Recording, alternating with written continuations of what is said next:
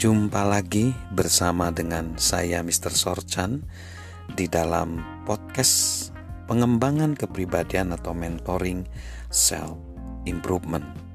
Saat ini kita belajar tentang bagaimana kita mengalahkan tantangan terbesar dalam diri seorang pemimpin, yaitu memimpin dirinya sendiri, memimpin dirinya sendiri tantangan terbesar, tantangan tersulit di dalam kepemimpinan adalah memimpin diri sendiri.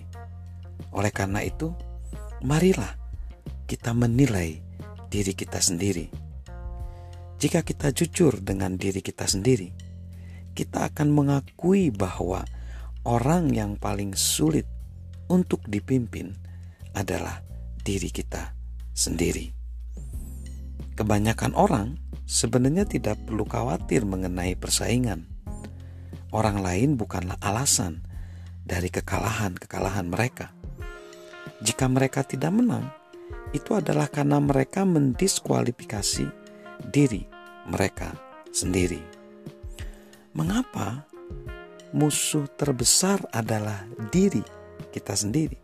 Karena kita tidak bisa melihat diri kita sendiri seperti kita melihat orang lain.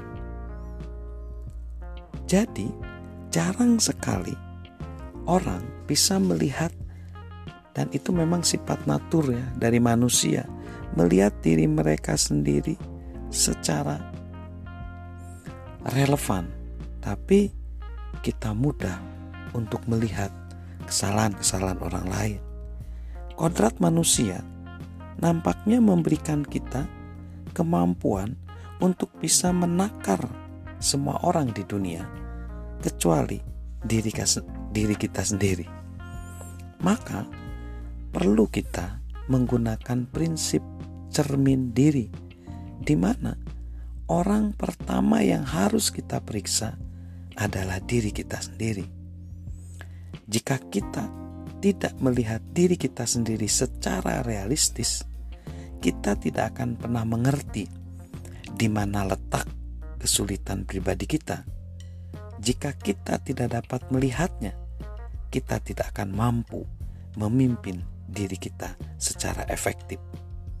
Yang kedua, kita selalu lebih keras kepada orang lain ketimbang kepada diri kita sendiri pastilah kebanyakan orang secara umum menggunakan dua perangkat kriteria yang sama sekali berbeda ketika dia menilai dirinya sendiri dan menilai orang lain. Kita cenderung menilai orang lain menurut perbuatan mereka. Ini sangat lumrah. Namun ketika kita menilai diri kita sendiri, bukan dengan perbuatan tapi niat kita. Walaupun kita melakukan hal yang, hal, hal yang salah, jika kita yakin motif kita baik, kita pasti akan membela diri.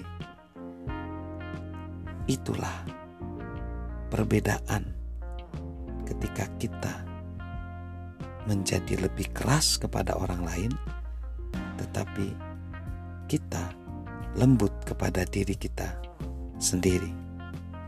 Nah, bagaimana sih kunci untuk kita bisa memimpin orang lain? Kunci untuk kita bisa memimpin diri sendiri maksud saya. Kita akan bahas di segmen berikutnya. Salam mentoring dari saya, Mr. Sorchan.